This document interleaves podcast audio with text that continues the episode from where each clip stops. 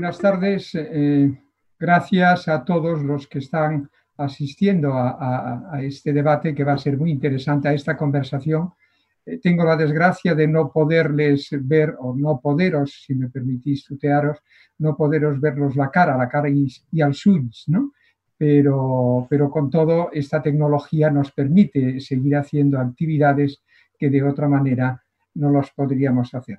Eh, agradezco de una manera muy especial al magistrado Luis Rodríguez y a Miquel Roca eh, la aceptación de la invitación que les hice para participar en este primer debate. Eh, están en su casa, aunque esto sobra en su caso, porque ambos son socios del círculo, por lo tanto, están en su casa. estas dos sesiones, la de hoy y la del viernes, quieren un poco mantener, aunque sea de esta forma limitada, una actividad que desde hace años venimos desarrollando eh, el Consejo del Poder Judicial y la Fundación del Círculo de Economía, que es un curso que se hace en Barcelona, en la sede de la Fundación del Círculo, del Círculo, al que asisten un curso eh, organizado eh, y dirigido por Luis Rodríguez, por el magistrado, y al que existen una treintena de eh, jueces y juezas de toda España. Este año estaba previsto, como años anteriores, eh, naturalmente no lo hemos podido hacer, pero sí que hemos querido mantener, sin embargo, la, tradición de abordar temas relacionados con eh, la administración de la justicia. Y en este caso, sobre este tema de tremenda actualidad, y lo va a ser, imagino, durante bastante tiempo, de poder judicial y abogacía en tiempos del post-COVID. Del perdón, eh, eh, yo acostumbro a decir en muchas ocasiones, por, por, ser de, de las Rías Baixas, donde sabéis que las mareas son pronunciadas, ¿no? No, no como en el Mediterráneo que te tienes que acercar mucho para ver si la marea está alta o baja, ¿no? Allí es muy visible.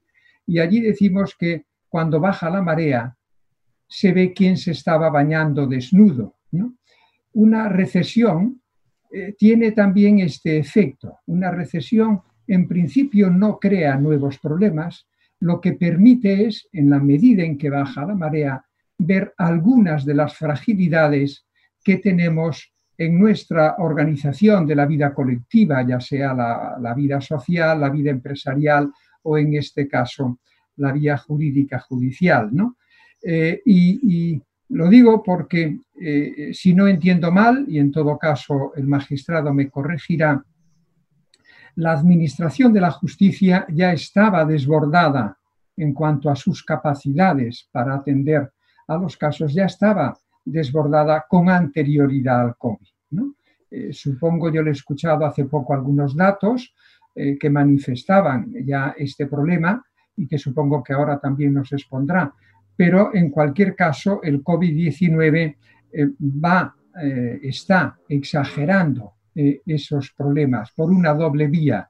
Por un lado, porque ha embalsado y sigue embalsando durante meses los procedimientos que estaban en marcha y ese embalsamiento en algún momento tendrá que hay que darle salida y en segundo lugar porque la propia eh, circunstancia de la vida eh, empresarial, de la vida económica, de la vida social en general, imagino que va a aumentar eh, esto, la conflictividad en nuestra sociedad. Y con este pensamiento en la cabeza, hace pocas semanas le escuché a Miquel Roca en una reunión que teníamos, eh, le escuché una reflexión que la retuve inmediatamente, ¿no? Hablando un poco a compañeros de profesión de su propio despacho, él decía, esta situación nos obliga a cambiar eh, esto, la forma en cómo los abogados hemos desarrollado nuestra, nuestra función. Eh, venía un poco a decir casi con cierta urgencia, eh, o, nos transformamos en, eh, en abogados de búsqueda de acuerdos previos para no ir al conflicto, o esto va a ser muy difícil de gestionar. Y Miquel, cuando te escuché esa reflexión, que, tú harás ahora naturalmente de forma de forma que, todos los demás lo entiendan, porque me temo que no me habrán entendido mucho esto. Cuando te escuché esa reflexión, eh, eh, llamé inmediatamente a Luis Rodríguez y le dije a Luis, Luis, porque en vez del el curso que no lo podemos hacer, no hacemos dos sesiones eh, para abordar esta cuestión. Inmediatamente me dijo que sí y esto es la historia eh, que yo tenía que contar en este arranque. El tema creo que es fundamental. Ellos son eh, las dos personas, mm, para no ponerles colorado, las mejores para abordar esto, sino de, de las mejores personas que pueden, profesionales que pueden abordar esto, y a ellos yo les dejo la palabra con la idea eh, de que el formato sea el siguiente. En primer lugar, intervendrá eh, el magistrado Luis Rodríguez, fijando su posición en esta cuestión de la forma más breve, pero con el tiempo que él considere necesario. A continuación, Miquel Roca hará lo mismo, fijará su posición desde el punto de vista de la abogacía. Yo les pediré a continuación a ellos que tengan una conversación, porque cuando hicimos la prueba de esta jornada tuvieron una conversación para mí magnífica, que tengan una conversación entre ellos y yendo hacia el final, reservándome un cuarto de hora al menos, daría entrada a las preguntas que me vayan apareciendo en el chat. Eh, como coordinador, organizador, me comprometo que en el límite, límite, en el máximo a la 1.45, a las 2 menos cuarto, como límite cerraremos esta conversación. Muchas gracias, insisto, a ambos, muchas gracias a todos vosotros y dejo ya la palabra al magistrado Luis Rodríguez. Bueno, muchas gracias, Antón, muchas gracias por la invitación, muchas gracias a Miquel eh, por participar en esta conversación. Me parece un honor estar aquí sentado en mi casa, pero hablando eh, con Antón Costas y Miguel Roca, para mí es un privilegio. Eh, antes hablabas de un poco de cuál es la situación. ¿Podemos aguantar lo que nos viene? Eh, bueno, pues eh, para hablar un poco de esa, de esa, situación, yo recordaría algún dato. Por ejemplo, el primer dato sería la tasa de litigiosidad. La tasa de litigiosidad es el número de asuntos judiciales por cada 100.000 perdón, por cada 100.000 habitantes. Eh, esa tasa de litigiosidad desde el año 2001, que el Consejo General del Poder Judicial va acumulando datos, ha ido creciendo. Desde un inicio de 21,7 asuntos por cada 100.000 habitantes, ahora desgraciadamente estamos en un 50,7 eh, asuntos por cada 100.000 habitantes pero desgraciadamente eh, las tasas a otras tasas tampoco nos ayudan. Por ejemplo, una tasa que es la tasa de resolución. Cuántos asuntos ingresan y cuántos asuntos se resuelven en los tribunales. Si es inferior a, eh, si, es, eh, si no cumplimos, si es inferior a uno, ingresan más asuntos de los que, de los que se reparten y desgraciadamente la tasa, de la tasa de resolución no llega a absorber todo ello. Y ello crea una situación de dependencia y una situación de eh, congestión en los juzgados. No voy a hablar de colapso de los juzgados porque creo que no sería, no sería justo hablar de esa situación, pero sí una situación de congestión. En las dos jurisdicciones que pueden ser más afectadas por la crisis, por hablar de dos, y sobre todo una de las que conozco más, que es la jurisdicción civil, con la jurisdicción mercantil como una de sus especialidades, y la jurisdicción social, ambas tienen tasas de congestión muy elevadas, de 1,70 en el caso de la jurisdicción civil y de 1,82 eh, en, en, el caso de la jurisdicción social. Eso quiere decir que cada vez tenemos más asuntos pendientes. Eh, eh, por poner un ejemplo de asuntos pendientes, en toda España eh, los juzgados de primera instancia tendrían que haber repartido, tendría cada uno haber asumido una carga de trabajo aproximadamente de 1.200 asuntos anuales. Pues bien, el año pasado repartieron 1.500 asuntos anuales. En el caso de los juzgados mercantiles se acentúa el problema. Desde 435 asuntos que tendría que tener la tasa óptima que ha fijado el Consejo con el Ministerio de Justicia 435 asuntos anuales, pues han tenido nada menos que 1.063 asuntos anuales. Eh, eh, y después los juzgados de lo social, pues lo mismo exactamente lo mismo. También eh, tienen que tener entre 800 y 900 asuntos anuales y la media son 1.061 asuntos anuales. Poniéndonos más concretos, por ejemplo, un número que llama eh, la atención son los de los juzgados mercantiles de Barcelona.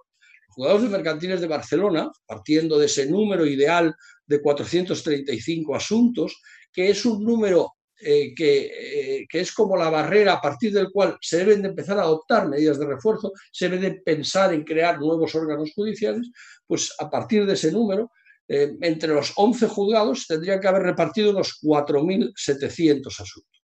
Bueno, pues eh, ¿sabéis cuántos han repartido? Nada menos que 33.785 asuntos. Es un número abrumador. Es cierto que desgraciadamente una de las de los, mm, de los fenómenos que nos está eh, congestionando más es lo que podríamos decir eh, litigación en masa.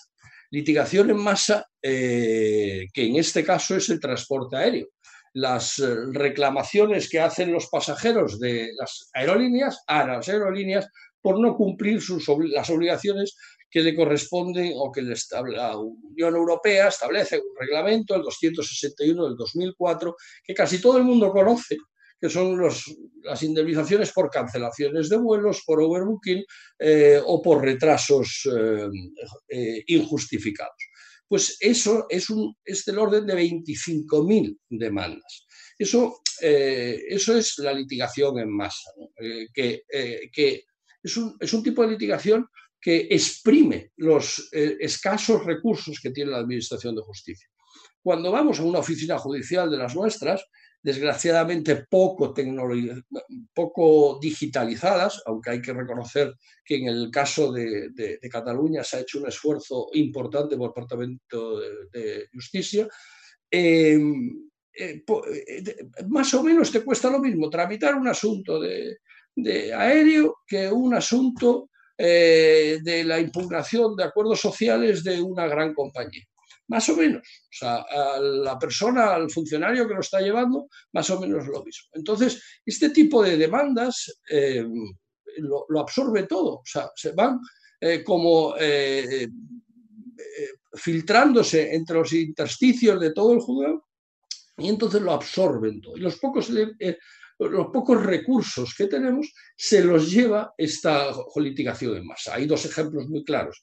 Este tema, el del transporte aéreo y el de las condiciones generales de contratación, que se están eh, absorbiendo esos recursos. En estas condiciones, eh, si de verdad eh, viene una avalancha que es muy previsible que, venga de demandas individuales, por ejemplo, de despido a los jugadores de lo social, o demandas de, concursos, sean de personas físicas o de personas eh, jurídicas que hayan, eh, se hayan colocado o se hayan sufrido una situación de insolvencia como consecuencia de las eh, decisiones económicas adoptadas en, esta, en, esta, en este periodo, la verdad, eh, los juzgados eh, tienen mm, una situación mala para asumirlo. O sea, partimos de una situación que es muy compleja. Por eso hay que reclamar, además de medios, además de medios, que es lo que siempre reclamamos, otras cosas. Además de medios, otras cosas. Es muy importante los medios,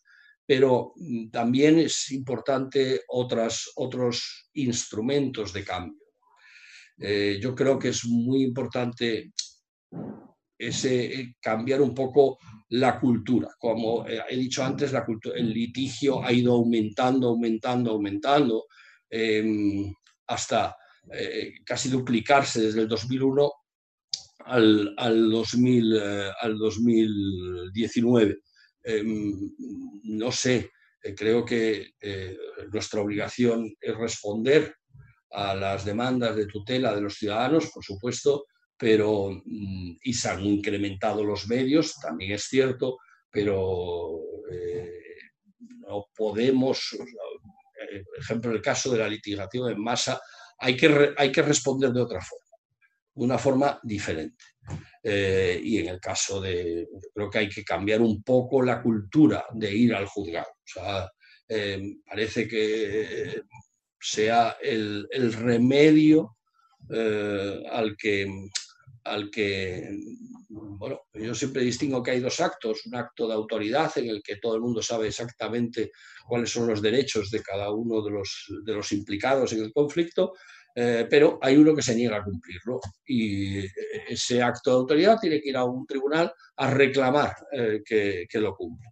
Eh, el segundo caso es cuando realmente hay un conflicto de intereses que lleva a interpretaciones divergentes de la ley y cada uno desde su punto de vista mantiene eh, diferentes perspectivas. En ese supuesto es evidente que tienes que ir a los tribunales, pero en, los otros casos, en otros casos, pues eh, la verdad, resulta difícil entender que la solución sea litigio individual.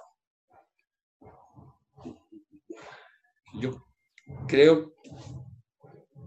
Sigo, oh, Antón, perdona. Eh, bueno, en primer término, también expreso mi satisfacción de estar aquí y, agradecer tu invitación, Antón, pero sobre todo agradecer poder compartir eh, este debate con el magistrado don Luis Rodríguez, eh, que ha hecho una presentación del tema, a mi entender, creo que muy, muy muy sólida para que sobre ello podamos pronunciarnos. Eh, es evidente, como tú decías, Antón, que el COVID-19 no, no hace sino aflorar problemas que preexistían. Lo que pasa es que los aflora de una manera muy aparatosa y, y, con, un, con un punto de exigencia en cuanto a solución. Los problemas estaban ahí, pero ahora afloran aparatosamente y requieren de una solución.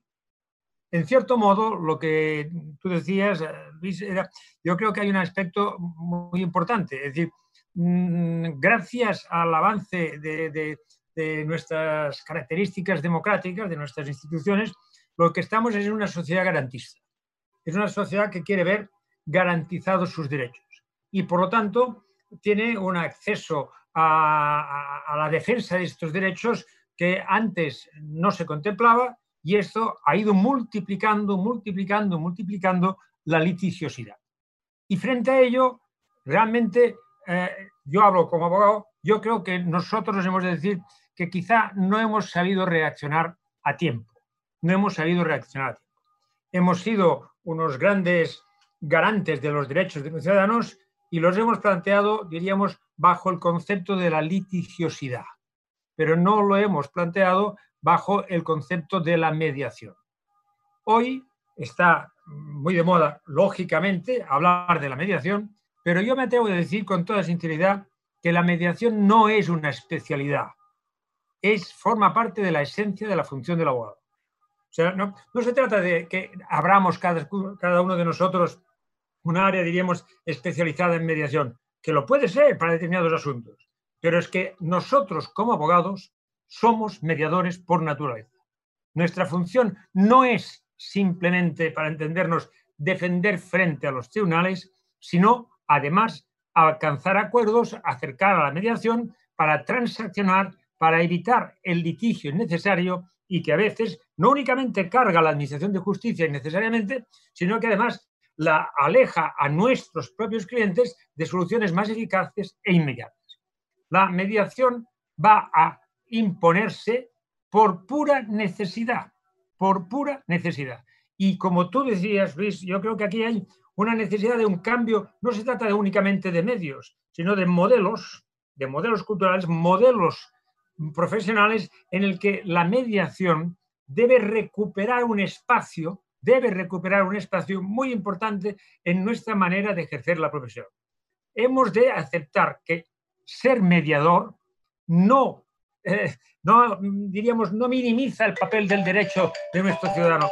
Perdón, que esto eh, no, no le minimiza, sino que al revés, le intentamos defender eficazmente en una solución en la que muy posiblemente él va a salir ganador y desde un punto de vista de eficacia mucho más prácticamente y rápidamente. Yo creo que la mediación va a ser fundamental en esta nueva etapa. Ah, la mediación tiene sus, problemas. Es, decir, tiene sus problemas porque, de hecho, no, la contemplamos como una sustitución de la Administración de Justicia, la contemplamos como algo que tiene también eh, la, capacidad de enfocarse como solución de conflictos. Decía muy bien eh, don Luis una cosa, es decir, la, litigación en masa. La litigación en masa es algo que no únicamente, fíjate, va a ser eh, una característica de estos, próximos tiempos, sino de que una litigación en masa que nace de un problema. Problemas muy diversos tienen bases comunes coincidentes. Eh, yo siempre digo que yo empecé mi carrera profesional, Luis, con un principio sagrado. Las deudas deben pagarse. El principio de que las deudas deben pagarse. Y voy a terminar mi carrera profesional con las deudas deben pagarse, coma, en principio. La, diferencia es fundamental, pero este principio afecta a muchos colectivos, a muchos sectores, a muchos aspectos distintos.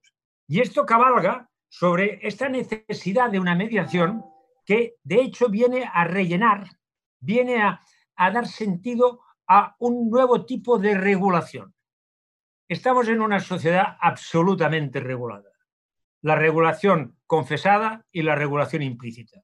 Aquí todo está regulado. Eh, cuando eh, es que todo, está regulado de una manera o está regulado de otra, pero la, intervención administrativa está presente en todo, en todo. Pero vamos, esto, es evidente, ¿no? que no se discuta. Bien, este principio también tiene que aceptarse desde la administración de que su regulación tiene sus límites. ¿Por qué? Porque con sinceridad no conocen la complejidad de todos los temas. Es que es imposible. Es que eh, esto de ser omnicomprensivo y querer ser, eh, diríamos, muy perfectamente competente en este amplio campo es imposible. Es metafísicamente imposible. Necesitan del sector para que el sector aporte, no para sustituir al regulador, pero para que lo informe, lo aporte, lo conduzca, lo asesore hay un aspecto, por lo tanto, de la mediación que también alcanza al papel de la relación de los particulares con la administración. La administración también tiene que entender que la mediación puede ayudar a su función reguladora y puede resolver muchos conflictos que a veces se plantean inútilmente, que a veces se plantean inútilmente. Yo creo que aquí es este nuevo papel de la abogacía al que hacía referencia Antón Costas en su introducción, yo creo realmente que hemos de recuperar nosotros como abogados, hemos de recuperar eh, e-, este aspecto que habíamos olvidado un poco, que es el aspecto de la mediación, el aspecto de la transacción, el aspecto del acuerdo. Creo que esto es muy importante y que además esta litigiosidad en masa nos obligará mucho más, porque los colectivos no tienen vocación pura y simplemente de litigio, tienen vocación de acuerdo, tienen vocación de encontrar una solución a su problema. Y esto requerirá de una comprensión mediadora. Tendremos que, tendremos que eh, cambiar un poco los abogados, eh, que no se me enfade ninguno, porque a nosotros lo que, lo que les va a la profesión, lógicamente, es decir, no se preocupe usted, esto está ganado. Eh, el cliente se va muy tranquilo, tú te quedas con el problema, porque acabas de decir una cosa, pues no sé, ya se verá, ya se verá. La mediación es tanto como decirle, usted tiene razón, pero contemplemos que la otra parte puede ser que en este punto y en aquel pueda, hay que tener una función mediadora dignificada, dignificada y que dignifique a la condición y la función del abogado. Creo que por último, para esta introducción, eh, decir, y además es que esto es un nuevo concepto de la responsabilidad. Eh, cuando nosotros estudiábamos, la responsabilidad era, se, tendía que, estructurar con muchos, con muchos requisitos, con muchos Hoy la responsabilidad tiende a una objetivización y, a una asunción muy, rápida. Usted, eh, eh, incluso a veces se puede decir, usted es el potente, usted es el poderoso, usted es el responsable, asúmolo, de alguna manera resuelva usted el problema. Nosotros habremos de eh, entrar en este campo de aquí. Lo tendremos que hacer porque eh, es mejor que los propios abogados vayamos con nuestra práctica mediadora definiendo nuevos conceptos y nuevos límites de la responsabilidad que no que se sustituyan pura y simplemente desde acciones alternativas que muy a menudo no responden a criterios a veces excesivamente jurídicos. Y por último, decía por último antes, pero dejadme decir, de hecho lo que está en juego es una nueva visión reforzada de la seguridad jurídica. Al final, si queremos avanzar, lo, lo tenemos que hacer desde la seguridad jurídica. Y la seguridad jurídica hoy desde la propia Administración de Justicia nos dicen, compartan con nosotros, abogados, compartan con nosotros la construcción de una seguridad jurídica. Y la mediación lo puede hacer. La mediación nos sirve para, para estos, estas tasas de litigiosidad y estas tasas a las que hacía referencia. Bueno, si, si se rebajan, si se rebajan, estamos contribuyendo a la seguridad jurídica. Estamos contribuyendo eficazmente a que esto sea un, un principio más próximo, más, más, más, eficaz de lo que a veces eh, lo formulamos, digamos, eh, desde un punto de vista muy teórico, pero que tiene a veces eh, poca coherencia con la práctica. Yo creo que aquí está esto. Yo creo que hay un escenario de coincidencia, de diálogo y de debate entre Administración de Justicia y abogados que debe ser mm, muy tenido en cuenta. Podemos ponernos de acuerdo. Podemos ponernos de acuerdo en buscar estos nuevos límites de la función mediadora como ejercicio propio de la profesión de abogado. No en sustitución, sino eh, porque la sustitución constitucionalmente no sería posible, pero sí en evitación de, en facilitar que la justicia pueda dedicarse a aquello que tiene que resolverse desde un punto de vista de un conflicto que siempre los habrá, pero que en cambio hay algunos otros que pueden resolverse con carácter pleno. A mí me parece muy importante que comprender que no se puede vivir del litigio, se tiene que vivir de la solución del litigio. Y eso es importante. Y es importante separar al abogado del cliente. El abogado yo no creo que se puede identificar, que algunas veces hay una identificación plena con los intereses del cliente, de tal manera que no ve esa segunda parte, que es muy importante. Eh, esa segunda parte es los, los, mecanismos de defensa de la otra parte. El, el abogado tiene que ver el conflicto desde fuera y desde fuera tiene que ver las fortalezas y las debilidades. Y eso le puede permitir eh, ayudar a una, a una mediación. Pero cuando llega que parece un solo bloque, es decir, no admite ninguna discusión, es verdad que cuando llegas al litigio quizás no sea el momento para abrir eh, quiebras en tu posición. Que tú llegas al litigio como a la batalla. Eh, bueno, puede ser. Pero lo que, lo que sí está claro es que antes hay, hay, dos posiciones distintas. El cliente puede estar firmemente convencido de sus derechos, pero el abogado tiene que estar también eh, firmemente eh, convencido de la posición, de la posibilidad de la otra parte. Yo, hay, un, hay, un, hay un tema eh, que antes hablaba de la litigación en masa. Yo creo que la litigación en masa requiere inteligencia en su tratamiento, pero requiere también que los abogados sean conscientes de que no pueden agotar el sistema. Eh, en la litigación en masa es como dos bloques, los abogados de las compañías, sean las que sean, y los abogados de los consumidores, de los pasajeros, de lo que sea, como un bloque. Y se enfrentan como ejércitos en el campo de batalla que somos nosotros y que puede quedar absolutamente destruido el campo de batalla, hasta que al final ya no haya batalla que ligar. Eh, cuando le haces una reflexión de que no se pueden agotar los medios de la justicia litigando cuando, por ejemplo, los eh, criterios del Tribunal Supremo son muy claros. En la, en la, litigiosidad en masa, Miquel, es, eh, no nos engañemos, es formulario contra formulario y contestación de formulario. Es decir, hay cuando, antes de formar los criterios, hay de verdad un debate y un análisis eh, profundo de cuáles son los, bueno, los criterios interpretativos que tienes que hacer de la. Pero una vez que están fijados, están fijados por el Tribunal de Justicia, o en su caso, eh, por el, Tribunal Supremo, mm, la verdad, eh, el seguir discutiendo con los mismos argumentos, lo único que hace que tú presentas una demanda de modelo te contestan con una demanda de modelo dictas una sentencia de modelo y luego recurres en apelación y así se repite la historia. Claro, eso, la verdad, yo cuando hay determinadas sentencias que dices, pero estoy diciendo esto por decimoquinta vez, decimoquinta vez en un día. No estoy hablando de decimoquinta vez, no, de miles de veces que estás repitiéndolo. Por eso no se puede abordar de la misma forma. Por supuesto, ahí los abogados, los abogados de las compañías, los que les eh, ayudan a, tomar eh, posición, tienen que eh, ser conscientes también de su responsabilidad social con el sistema. Con el sistema que no se puede agotar el sistema. No se puede agotar porque mi estrategia sea una estrategia de confrontación. ¿Vale? eso tendrá unos costes. Y, tiene el coste de que hoy, por ejemplo, estamos haciendo un alarde de gastos para solucionar pleitos que todo el mundo sabe cómo empieza y cómo acaba, pero aún así se litiga. Eso no tiene sentido. No tiene sentido. Yo creo que hay cosas, o sea, una 25.000 eh, demandas de tráfico aéreo no tiene sentido.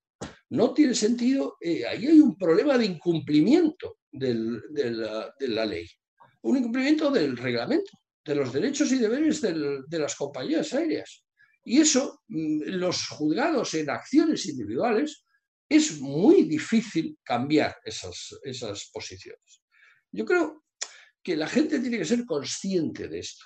Eh, nuestra posición es garantizar, como decías tú, Miquel, garantizar los derechos de la gente. Yo creo que en tanto más robusta sea una administración de justicia, más robustos son los derechos individuales de sus ciudadanos. Nuestra independencia eh, es una independencia en garantía del derecho del ciudadano. Nuestra independencia no es un privilegio. Y eso también eh, exige, primero, que los ciudadanos sean, conscientes de que en tanto que tengan una administración de justicia débil, sus derechos serán más débiles. Y si eh, los jueces han de ser conscientes de que la independencia no es un privilegio, es una garantía del ciudadano. Y hay estructuras. Mm, claro, nosotros nos cansamos de pedir, por ejemplo, ahora pediremos refuerzos, pediremos nuevos medios, pero repetimos eh, estructuras ineficientes. Eh, tenemos que cambiar todo eso. También tenemos, tenemos dos posibilidades, o que nos cambien o cambiarnos. es decir, cambiar esa cultura para que mm, eh, la ley regule una nueva necesidad, una nueva cultura, una nueva forma de hacer las cosas, o bien que al final, algún día, alguien eh, tenga suficiente fuerza política como para eh, entrar y cambiar las cosas obligatoriamente. Y nos quedará como esa sensación de que perdimos la oportunidad de hacerlo. Tenemos que cambiar nuestra cultura nosotros hemos de mm, recobrar una cosa que yo creo que se ha perdido mucho, que es la confianza de los jueces y los abogados. Eh, nosotros necesitamos recuperar la confianza de los abogados y de los profesionales del derecho por una sencilla razón, porque son los que están al lado del cliente y nuestro cliente es su cliente. Nuestro cliente es el ciudadano. Nosotros solo tenemos sentido en función de, la respuesta que podamos dar al ciudadano. Si ellos no confían en nosotros, eso es mucho más complicado ejercer la jurisdicción. Y tenemos que recuperar esa confianza que se ha ido debilitando, esa relación que antes había entre abogados y jueces y se ha ido debilitando. Esa mm, esa, esa necesaria relación. Yo, no, puedes llegar a una audiencia previa eh, que, como sabes, tiene una de sus finalidades intentar llegar a un acuerdo y en 26 años eh, que he estado haciendo audiencias previas, ahora ya no las hago porque estoy en la audiencia, eh, pues no sé, alguna vez me llevé un, digo, milagro, un acuerdo. nadie llega con la predisposición a llegar a un acuerdo, llegan con, ya hemos llegado hasta aquí, ¿Vale? Yo eso lo puedo, lo puedo entender, pero entonces que no me hagan hacer a mí el paripé, que no me hagan diciendo en la ley exhortará al juez a llegar a un acuerdo a las partes. Em, se ha acabado. Yo creo que ahí hay una función previa. O sea, decir, bueno, vale, yo puedo entender que el litigio es el último recurso, eh, pero hay que intentar antes llegar a un acuerdo. Los abogados tienen que recuperar esa función a la que tú hablabas. Yo, ah, estando de acuerdo contigo, algún matiz. Es decir, ah, yo sí que defenderé la gran identificación entre cliente eh, y abogado. Creo que es, bueno que, vivamos sus asuntos como si fueran los nuestros.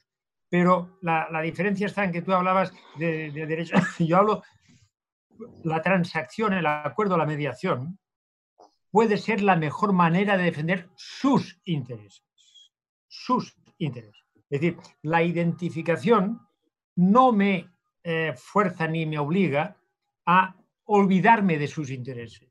Y yo puedo decirle perfectamente que desde un análisis, diríamos, estrictamente de derechos podía ser discutible, sus intereses pueden verse perjudicados en esta medida por esto o por aquello.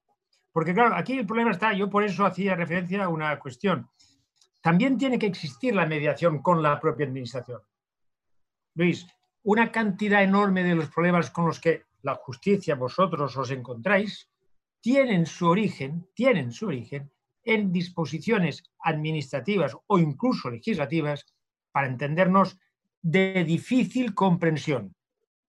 De difícil comprensión. Y que ah, no únicamente aceptan interpretaciones distintas, sino a veces muy contradictorias. Muy con lo cual se hace muy difícil, se hace muy difícil el que ah, exista, diríamos, una, una rápida asunción de la responsabilidad, porque en definitiva está sujeta a una revisión. O puede tener, puede tener consecuencias muy graves desde un punto de vista de lo que es eh, eh, el, alcance retroactivo de la admisión de esta responsabilidad. Puede decir, mire usted, usted no ha hecho bien las cosas desde hace tanto tiempo, pero usted, esto no lo sabíamos. Por lo tanto, tiene que existir una mayor eh, voluntad de mediación en los abogados, seguro, y en la propia administración. Porque muy a menudo, insisto, muy a menudo, insisto, eh, estos conflictos tienen su origen en, espacios muy inconcretos, muy imprecisos y muy, muy poco eh, cercanos a la propia realidad, que han sido de una manera u otra regulados, de, generando muchos problemas. Necesitamos que el sentido de la mediación alcance al ejercicio de los abogados y a la propia administración. Porque de esta la administración entendida en su eh, incluso desde el punto de vista de lo que es la propia legislación, el poder legislativo, que lo entienda. Se está legislando, se está legislando con conocimientos que a veces son eh, muy parciales de la realidad, en una velocidad de cambio de la propia sociedad brutal y con, y con una lentitud de lo que es el propio aparato legislativo que cuando llega a regular, muy a menudo esto ya está superado. Eh, necesitamos lo que tú decías al inicio, eh, un cambio de, mentalidad, un cambio de modelo, pero eh, si no hay colaboración, si no hay cooperación y la, y la cooperación y la colaboración se enmarcan fundamentalmente en el campo de la mediación, en el campo de acercarnos a comprender y a ofrecer soluciones. Yo creo, sinceramente, que en este momento a veces hay un cierto recato en sectores, en, colectivos, en, acercarse a la administración para ofrecer soluciones alternativas. Yo creo que esto es muy malo. Eh, yo creo que esto debe ser muy agradecido. Los colectivos, los sectores tienen que acercarse a la administración para decir, oye, si lo hace así, estaremos todos mucho más tranquilos, mucho más tranquilos, y facilitaremos la administración de justicia que pueda operar sobre unos criterios mucho más sólidos, que a veces eh, son más, más complejos de, entender. Por lo tanto, eh, yo estoy de acuerdo contigo, pero lo que quiero decir es que eh, esta función de un nuevo modelo, me ha gustado la expresión, este nuevo modelo que alcanza a los abogados, alcanza también a la administración. También tienen que entender la administración que tiene que ser más, más próxima al conocimiento de la realidad, porque no lo es, no lo es, a menudo no lo es, a menudo no lo es, y esto entonces eh, se traduce en regulaciones imprecisas, contradictorias y que tienen, tienen efectos muy a menudo retroactivos, que de, hecho afectarían al principio de la confianza legítima. O sea, es decir, he tenido la sensación de estar operando de acuerdo con la ley. Ahora me dicen ustedes que no. Bueno, eh, esto no lo sabía y esto tiene consecuencias. Pero eh, la administración tendría que asumir, para entendernos, una cierta parte de responsabilidad o como mínimo de voluntad de evitar estas situaciones. Porque si no, claro, yo estoy operando desde el punto de vista de, mi, mi, certeza, mi convicción de que esto es lo correcto, pero se me dice, mire usted, esto no es lo correcto. ¿Por qué? Porque ha cambiado el criterio. Y estos criterios normalmente no cambian para adelante, sino que tienen consecuencias ex ante muy importantes. Y esto, esto es lo pesado. Esto Pero evidentemente hay un escenario de coincidencia.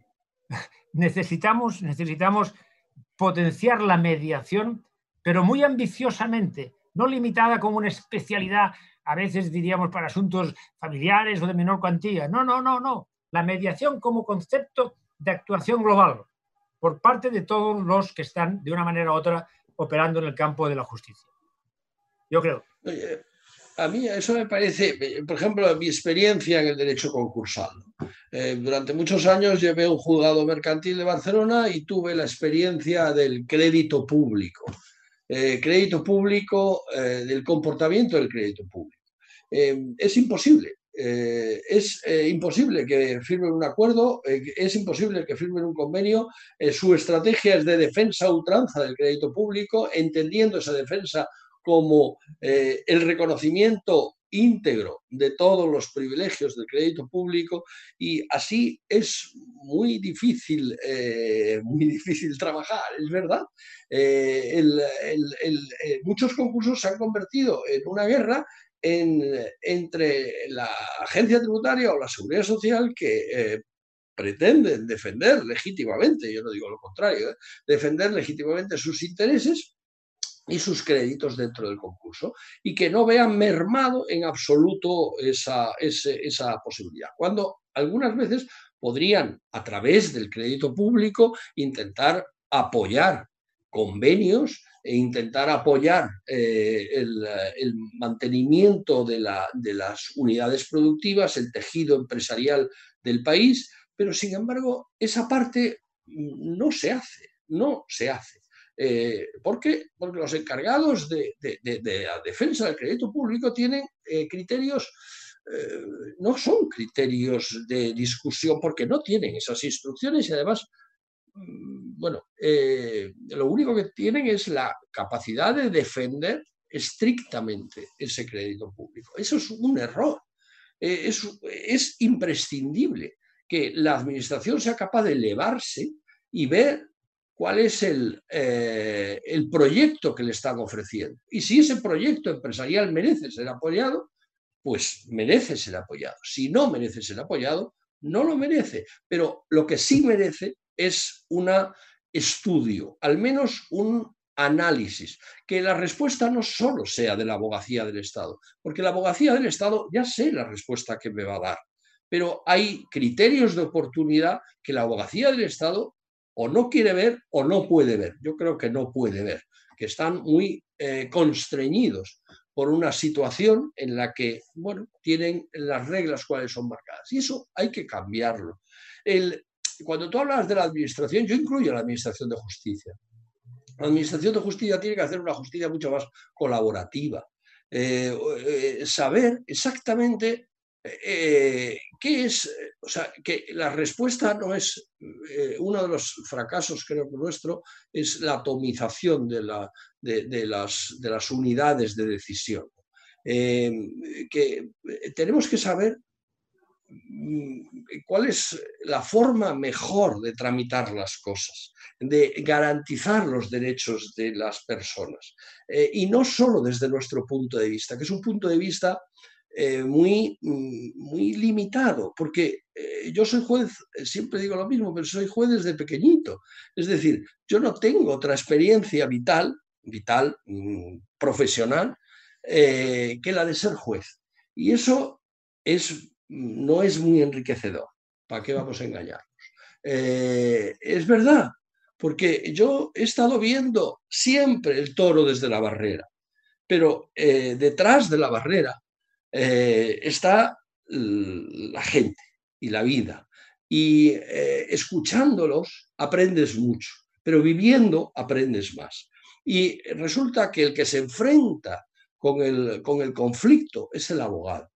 Eh, y recoger cuáles son las necesidades de garantías dentro del proceso para poder litigar cómodamente, que el proceso se convierta no en una carrera de obstáculos, como es muchas veces, que aquí has fallado, aquí te archivo, aquí no has fallado, aquí pasas, eh, sino un escenario cómodo para defender los derechos del cliente. Eh, yo creo que eso es muy importante y eso exige eh, esa colaboración con los abogados, esa colaboración con los procuradores o con los graduados sociales, con quien tenga la defensa de los intereses de alguien ajeno, eh, eh, de los intereses que, están litigando. Yo, estoy, yo, estoy, totalmente de acuerdo y corroborando y ratificando lo que tú señalas. Es decir, es imposible en la contemporaneidad solucionar problemas de verdad sin concurso de, de, papeles distintos. Es imposible. Es, e, e, esto no es verdad. Esto no es verdad. E, esto no es verdad. y lo estamos viendo en, en, la crisis del COVID. Es decir, cuántas administraciones con vertientes distintas y competencias distintas están llamadas a intervenir para resolver conflictos, porque esto afecta a sanidad y afecta a enseñanza y afecta a la profesión de justicia y afecta, afecta a muchas. Todos hemos de concursar. Y por tanto, si nosotros hemos de mediar, hemos de entender que la propia administración tiene que entender también que en su función está la mediación. Es decir, muy curiosamente, eh, el COVID-19 nos, ha puesto de manifiesto pues, una sensibilidad en la, administración para resolver conflictos. Eh, los conflictos aparatosamente aparecen con, con el COVID, pero algunos de ellos existían antes. Algunos de ellos estaban subyacentes en, la realidad social. Y, sobre esto no había sensibilidad. ahora hemos de intentar, hemos de intentar de una manera u otra que esta crisis no, nos acerque a soluciones acordadas, eh, porque esto tendrá una, una eficacia brutal, una eficacia brutal. ¿Por qué? Porque lógicamente ayudará a resolver algunos conflictos desde el punto de vista de, la litigiosidad que, ah, diríamos, afecta a toda la Administración de Justicia, pero también a los intereses de los particulares y también a la propia Administración, también a la propia Administración. La Administración eh, puede en un momento determinado decir, mire usted, yo mi, obligación no es resolver conflictos, mi obligación es eh, regular pues mire usted, si su regulación no evita conflictos o los provoca, esto es un fracaso.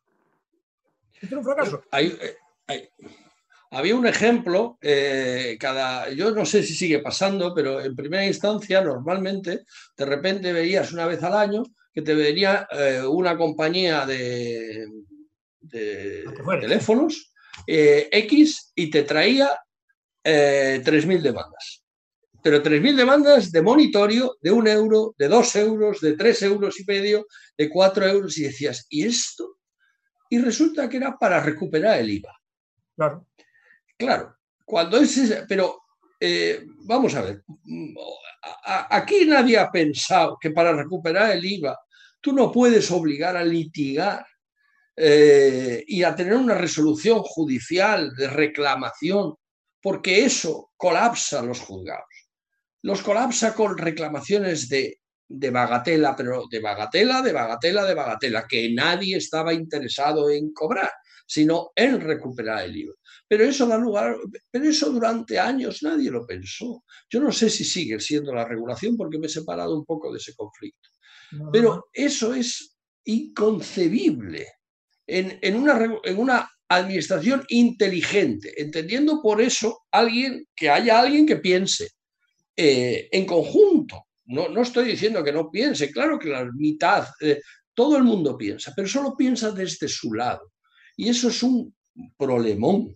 Eso es un problemón. Yo sí que creo en una justicia en la que puedas, eh, puedas establecer reglas de litigio con el colegio de abogados, que llegue, que hablas, hables directamente de, tal manera que puedas pactar las interpretaciones de las normas que se hacen, que no ponen en riesgo nada más que crean un escenario amable para litigar.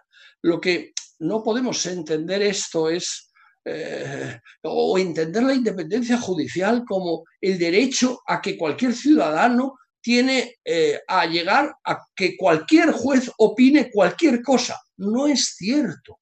Eh, la independencia es del sistema, de los tribunales, de, la seguridad jurídica. yo, no, yo no tengo una idea genial y ese ciudadano tiene derecho a, que yo le aplique esa idea genial en la interpretación de la norma, porque eso no llega a ningún lado. Nosotros tenemos litigios que son litigios que se repiten, pues porque, por ejemplo, hay personas o jueces que no aceptan determinados criterios del Tribunal Supremo y dices, pues muy bien, ahora vamos todos a seguir litigando yendo en segunda instancia o en el Tribunal Supremo cuando ya... Eh, eso, eso no puede ser. O sea, la, independencia judicial debe entenderse de otra forma. Tienes que ofrecer calidad, calidad, eso es para mí muy importante y la calidad solo viene de una cosa que es de la especialización. Y después seguridad jurídica. Es importantísimo poder ofrecer seguridad jurídica. Eh, entender el, Si no hay seguridad jurídica, eh, Luis, eh, el Estado de Derecho fracasa. O sea, el Estado de Derecho es fundamentalmente la seguridad jurídica, a partir de aquí, a partir de aquí, todos los demás derechos y libertades encuentran su, su, engranaje. Pero la seguridad jurídica es fundamental. Es decir, si no, esto falla el sistema de una manera brutal. Y la seguridad jurídica, pues eh, a veces es la incomprensión de la norma, la incomprensión de la norma, una norma que no se comprenda genera inseguridad jurídica, o a veces la interpretación de la norma. Pero lo que sí es cierto es de que Ahora ya no tenemos excusa, yo creo. No tenemos excusa. Se ha visto que tenemos un conflicto muy importante, necesitamos una recuperación muy sólida que requerirá de cambios y requerirá matices y esto tiene que ser, diríamos, no únicamente acuerdos políticos, que esto no nos corresponde meternos, sino además de que aquellos que están operando en el campo de la justicia de una manera o de otra tengan una capacidad de interlocución, de hablar, de exponer, de intentar convencer. Este ejemplo que tú decías, es decir, mire usted, eh, eh, eh, vamos a, hacer una demanda, ¿para qué? Pues para poder después recuperar el IVA adelantado. Esto es una barbaridad. Esto es una barbaridad. Hoy, en este, en este momento, esto no tiene ningún sentido. Esto no tiene ningún sentido. por lo tanto, podemos en muchos casos encontrar vías de solución que tienen que encontrar por parte nuestra, porque yo solo puedo hablar, no por el nombre de todos los abogados, porque esto es imposible, pero de, mi visión de la profesión, en recuperar mucho más este aspecto negociador, mediador, aproximador, de intentar hacer comprender las consecuencias de una regulación a veces improvisada, a veces contradictoria, pero muy a menudo desfasada que alguien se atreva, chulería, ¿eh? ¿eh? pero alguien se atreva a decirme que muchas regulaciones de las que existen en este momento no tienen que ser interpretadas a la vista de lo que está pasando. Que, no, me digan que esto vale igual ahora que hace exactamente seis meses, porque hay muchas que tienen que ser matizadas, pero muchísimas tienen que ser matizadas. Y que no se diga lo contrario, porque la experiencia lo está demostrando. ¿Cómo lo vamos a hacer? Desde que desde un señor que diga, bueno, esto hay que modificarlo, ¿por qué? Eh, bueno, porque me parece, me parece, pues oiga, eh, mire el sector, hablemos con el sector, hablemos con los interesados, porque eh, yo creo que esto nos ayudará muchísimo, absolutamente mucho, mucho, muchísimo. Y, si no lo hacemos así, va a incrementar la litigiosidad, va, a incrementar, va a incrementar y con ello vamos a afectar negativamente a, la propia Administración de Justicia, a la seguridad jurídica y al bienestar de los ciudadanos en el futuro. Esto no tiene ningún sentido. Si somos capaces de resolver problemas, habremos prestado un gran servicio. Y como tú decías, nuestra función como abogados no es la de, la diríamos, la de eh, establecer, diríamos, una, un, pequeño altar a la mayor loa y tal y gloria de los derechos de nuestro cliente, sino la solución del problema del cliente, la solución eficaz del problema del cliente. Y esta solución eficaz tiene que redundar en beneficio del conjunto. Y esto, esto es fácil de hacer si queremos prestar atención a esta función mediadora, que yo creo que esto es básico, fundamental, pero que afecta a abogados y a administración y lógicamente a la administración de justicia, pero que afecta a todos los que están operando de una manera u otra en, esta realidad, eh, en esta realidad tan compleja que nos ha tocado vivir, que es una realidad compleja y, muy diversa, con aparición de fenómenos impensados, de situaciones eh, no, no, previsibles ni, ni, previstas. Por lo tanto, yo creo que eh, aquí hay un campo importante de, de, reflexión sobre modelo de actuación. Sobre modelo de actuación. Antón, estás Antón quería...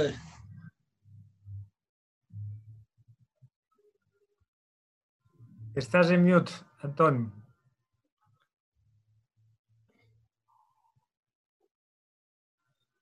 Debe, Antón, estás en mute. Sí, no, no.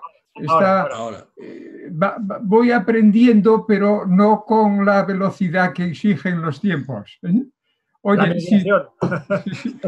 si, os parece, es una delicia eh, escucharos. Yo creo que, que, lo compartirán todas las personas que nos están viendo. Pero tal como os dije, mi compromiso es eh, acabar a las 45, entramos en los últimos 15 minutos y eh, doy paso ahora a preguntas eh, por el orden de intervención en que me han ido llegando.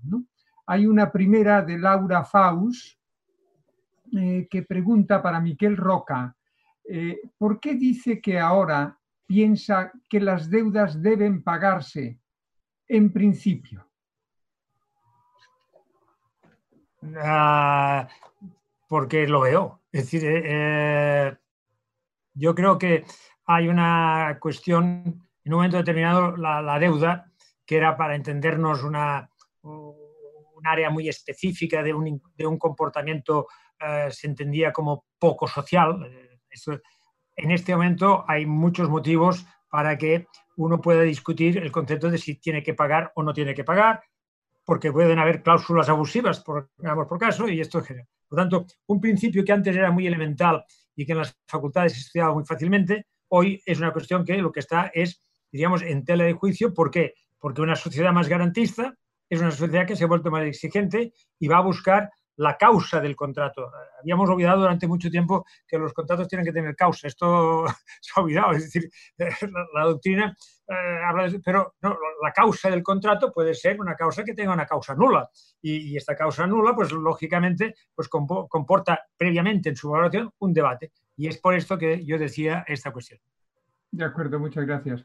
Javier Zuroaga eh, dice, al hilo de lo que sugiere Luis sobre la eh, litigación masiva, quizá lo propuesto sobre el uso del pleito testigo piloto del contencioso en lo civil es una idea a explorar y, matiza siempre, eh, pero tiene que haber identidad de casos.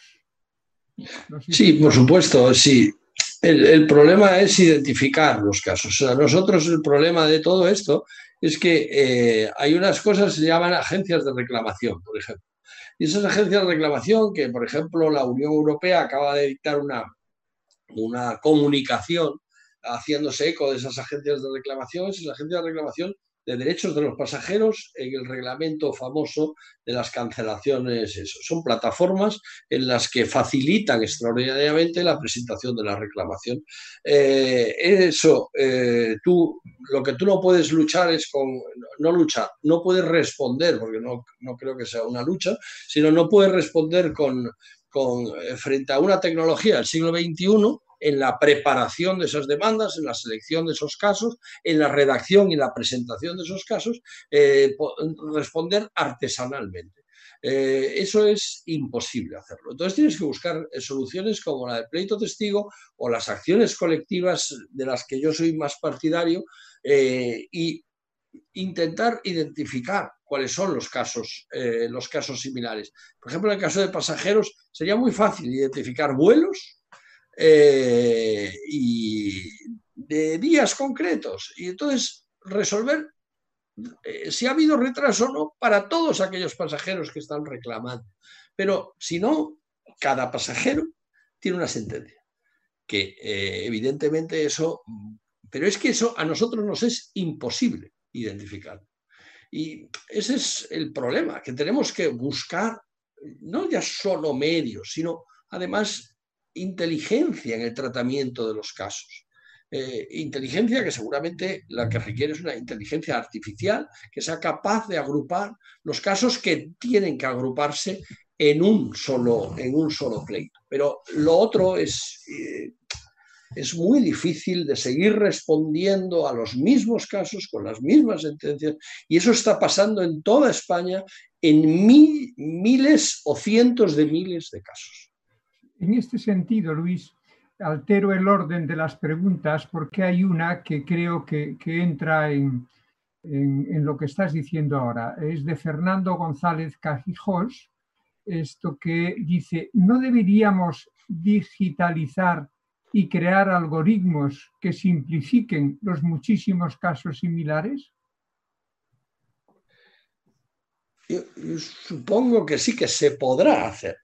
Eh, yo creo que lo más importante es poder responder a esos casos idénticos de forma idéntica. O sea, si un pasajero va en el mismo vuelo, pues tendrá los mismos derechos. Claro, si tú tienes, por ejemplo, como hoy puede haber en Barcelona, 10 o 12 jueces dedicándose a sacar asuntos de aéreo, pues si al pasajero que está sentado a tu derecha le cae en otro juez, eh, son todos muy coherentes, pero de vez en cuando puede sucederte que haya eh, un dato que falte, por ejemplo, que sencillamente no ha llegado la certificación de la hora a la que ha llegado ese vuelo, cosas así que pueden influir en tu reclamación y que no tiene sentido que influya, que va en descrédito de la justicia más que en crédito. Y si me permites, ah, no únicamente la justicia, los, nuestros despachos tendrán que aprender también lo que es la digitalización. Porque, claro, será muy difícil por parte nuestra, por parte de la abogacía, poder, eh, diríamos, operar eficazmente en la litigiosidad eh, masiva, la de masas, eh, si no somos capaces de tener una, una, infraestructura tecnológica de, de, mucha calidad. Y esto es, esto es complicado y caro, esto es complicado y caro. Pero lógicamente esto tendrá que hacerse. Pero esto potencia una vez más la necesidad de decir, hombre, voy a potenciarme desde un punto de vista de una infraestructura tecnológica, pero precisamente porque así seré mucho más eficaz en la mediación, podré ser más eficaz en la mediación, porque represento una base más amplia y por otra parte tengo una capacidad de conocimiento muy diverso de una realidad que voy a presentar en aquello que tiene de común, en aquello que tiene de coincidente y que me da posiblemente un mejor crédito en mi reclamación. Muchas gracias, Miguel. Vuelvo atrás al orden Ignacio Ripoll. Eh, ¿Debería entonces establecerse una mediación obligatoria antes de acudir al juzgado? ¿Deberían los jueces derivar más asuntos a la mediación? Yo, yo si me permites, antes de que, de que Miquel, déjame decir una cosa. Eh, a ver, yo no creo en las, mediaciones obligatorias porque durante muchos años hemos visto el acto de conciliación y el acto de conciliación es una inutilidad. Y en el caso de, la jurisdicción social, primero tienen el IMAC, luego tienen el, secretario judicial y luego tienen al juez. Eh, eh, esto es creérselo, de verdad, es un cambio de cultura. Es creer que, eh, que tu solución mejor es llegar a un acuerdo con la otra parte. Y yo, la verdad, creo eh, que eso deberían de hacerlo los abogados de las partes. Yo, meter a las partes en más gastos, yo es que no, no, no, no lo he visto nunca ni, ni lo veré. Yo creo que hay asuntos propios de mediación, probablemente los haya, ¿eh? pero no como regla general. Pero yo déjame decirte, Luis, eh, creo que coincidimos, pero desde yo no he sabido entender mi profesión de abogado jamás sin antes de iniciar una acción judicial intentar la mediación. No lo he hecho nunca, porque creo que es mi obligación para con mi cliente, para con mi cliente, porque tengo que ofrecerle la posibilidad de que la otra parte se acerque a nuestras posiciones. A partir de aquí, esto ha sido otra cosa. Pero si el abogado cumple, a mi entender, con su función, tiene que intentar siempre la mediación. No por una obligación legal, sino por una obligación deontológica. Perfecto. Pues ¿Cuántas veces hay, perdona, no, no, sencillamente un recordatorio. ¿Cuántas veces no has obtenido contestación? No, con, no contestación formal, ¿eh, Miquel? Eh, no contestación formal. No, no, no que te conteste con una carta muy amable, querido compañero, lo siento, pero mi cliente me dice que no. Yo he tenido muchísimas audiencias previas, muchísimas audiencias previas, en las que lo primero que he hecho es exhortar a las partes a llegar a un acuerdo.